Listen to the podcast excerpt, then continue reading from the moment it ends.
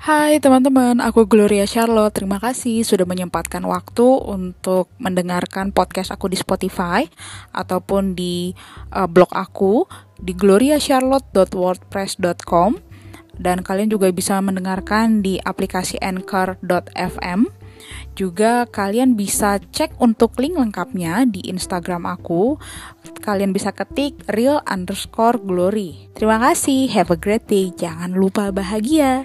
Hey, halo, kembali lagi di Real Podcast Gloria Charlotte. Anyway, hari ini sudah masuk uh, pertengahan kali ya. Pertengahan minggu. Bentar lagi kita mau weekend. But every day is weekend. Harus gitu ya. Jadi supaya kita semangat untuk kerja untuk sekolah. Nah untuk kali ini podcastnya agak berbeda. Kenapa? Karena ini benar-benar true story. Jadi waktu itu aku lagi perjalanan ke suatu tempat. Dan aku menggunakan uh, taksi online. Dan bapaknya ini baik banget beliau ngajak aku ngobrol dan sharing juga gimana perjalanan beliau sebagai driver taksi online sepanjang uh, sampai dengan saat ini. Sudah ada uh, kurang lebih dua perusahaan dengan yang sekarang uh, di bidang taksi online yang beliau uh, masuki atau join di sana jadi kita akan dengar nih kesaksian atau cerita dari salah satu bapak X yang tidak mau disebutkan namanya dan juga kita bisa belajar banyak dari kisah bapak X ini supaya teman-teman semakin lagi tahu rasanya bersyukur, rasanya memaafkan. Memaafkannya dari segi apa? Sesuai dengan tema dari bulan ini, pasti Bapak X ini dapat penumpang nggak yang selalu happy, nggak yang selalu enjoy. Pasti dapat penumpang yang aneh-aneh juga. Tapi kok beliau bisa ya tetap survive, tetap semangat untuk cari uang dari bidang taksi online ini. So, teman-teman, ini dia kesaksian sharing dari Bapak X untuk kalian semua. Enjoy! Yang mau ke arah Setia Chandra di situ biasanya nggak pernah ada derek Derek derek karena parkir mobil Iya. sembarangan. parkir mobil harusnya kan di dalam gitu enggak harusnya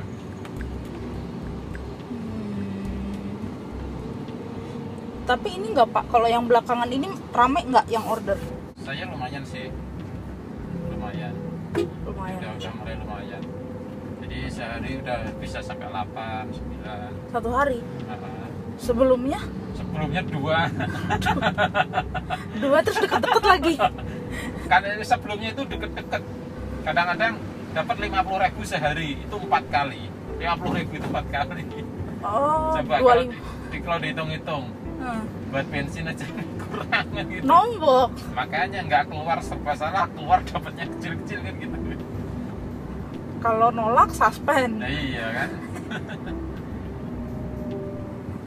sekarang udah lumayan lah ya.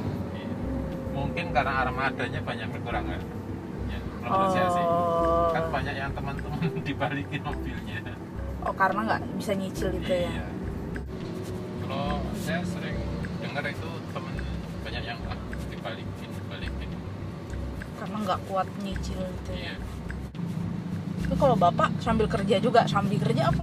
dulunya juga karyawan swasta Oh, tapi udah fokus ke sekarang driver online.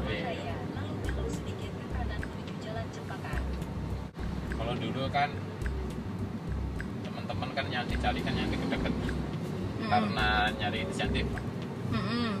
gitu.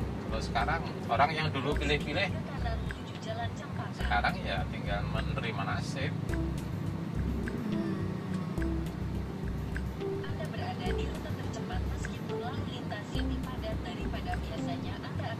sekarang mau pilih-pilih gimana kan gitu. Pilih-pilih Mm-mm. juga dapat order. Iya nggak dapat dapat, malah nggak dapat duit sama sekali. jadi udah terbiasa pokoknya ada order masuk klik ada order. Ambil gitu doang udah. Nggak dilihat ini dekat atau jauh. Tinggal mau ambil atau enggak gitu toh. Hmm, benar. tinggal nyiapin tenaga doang. Order terus. Belum turun pokoknya terus depannya ada lagi sering yang dibawa ya orang-orang yang jarang orang perumahan.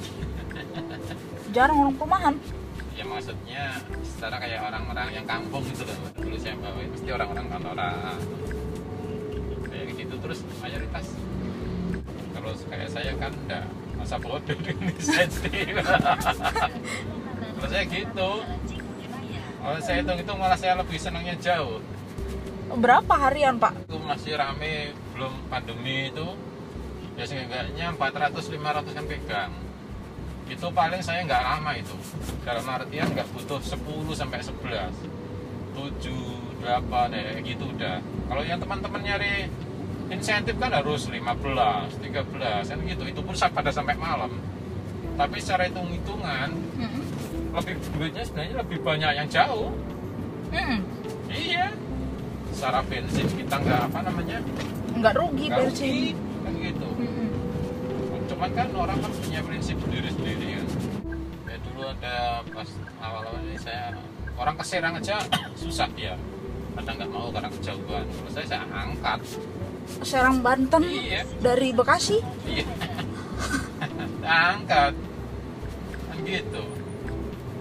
Taruhlah sampai sana hampir 400 lumayan. Taruhlah bensin 100 Eh, udah kan ter- jadi bersih pegang 200 udah pulang lagi. Iya kan nyenyak. Daripada kita nongkrong nungguin yang pede-pede belum tentu sehari dapat segitu kan? Iya bener. terus saya gitu. Angkat. Ke Cianjur. Juga- iya bener Cianjur juga gitu. Ke Cianjur. Or, eh, ke dia order ke Ciawi awalnya dia dapat driver bukan saya. Mm-mm. melihat wajahnya katanya bimbang sama drivernya nggak jadi.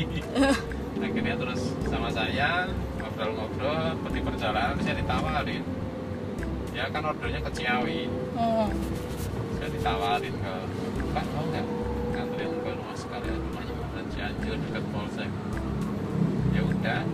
Heeh. Sama dia ditambahin 150 ribu. Wah lumayan. eh, iya. Udah tambahin sama dia 150 ribu.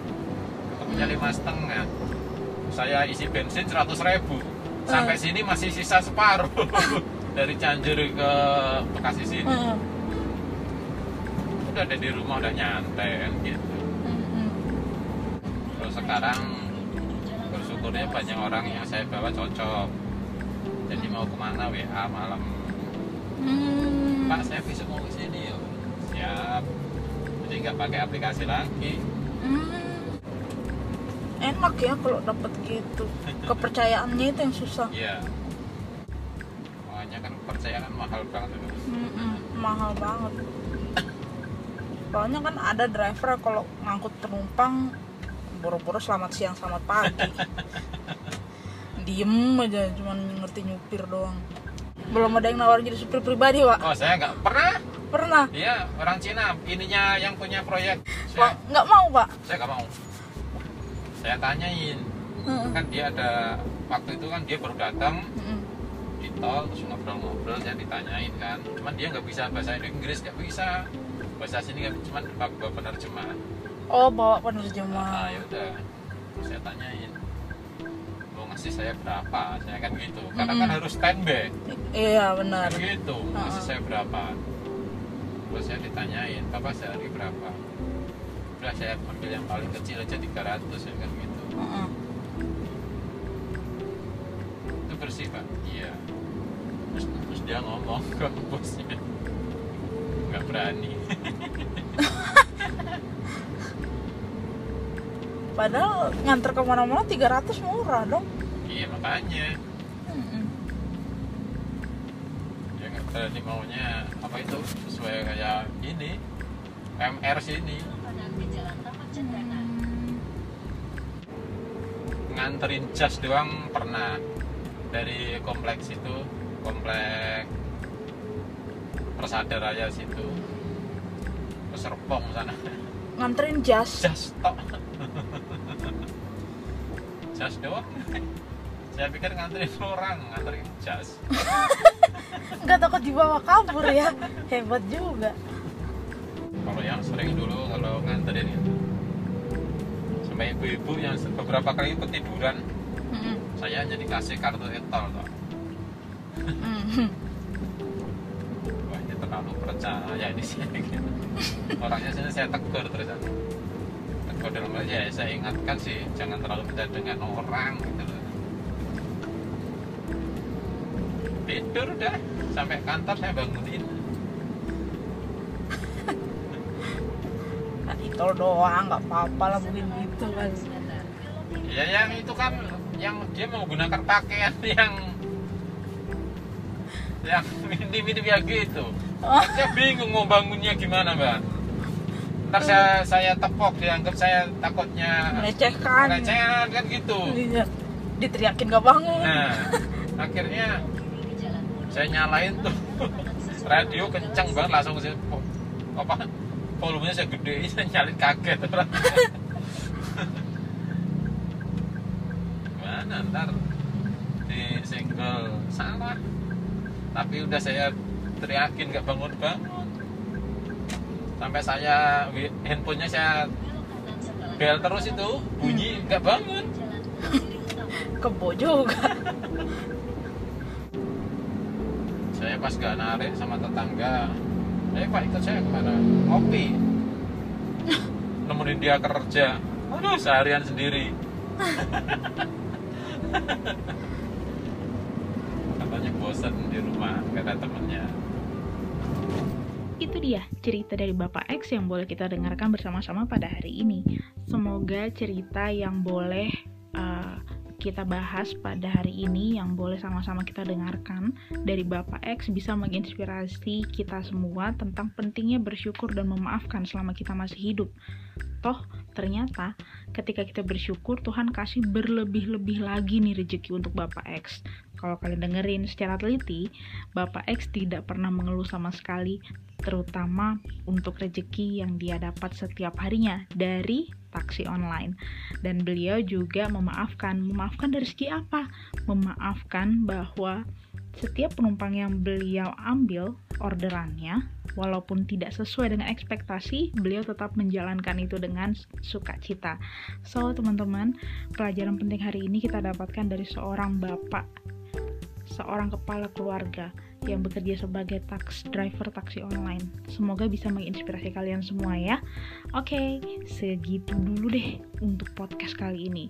Untuk nextnya, kira-kira siapa lagi ya yang bisa kita ajak ngobrol singkat tentang pentingnya memaafkan, bersyukur, atau tema yang lain. So, just stay tuned di Real Podcast Gloria Charlotte. Have a good day.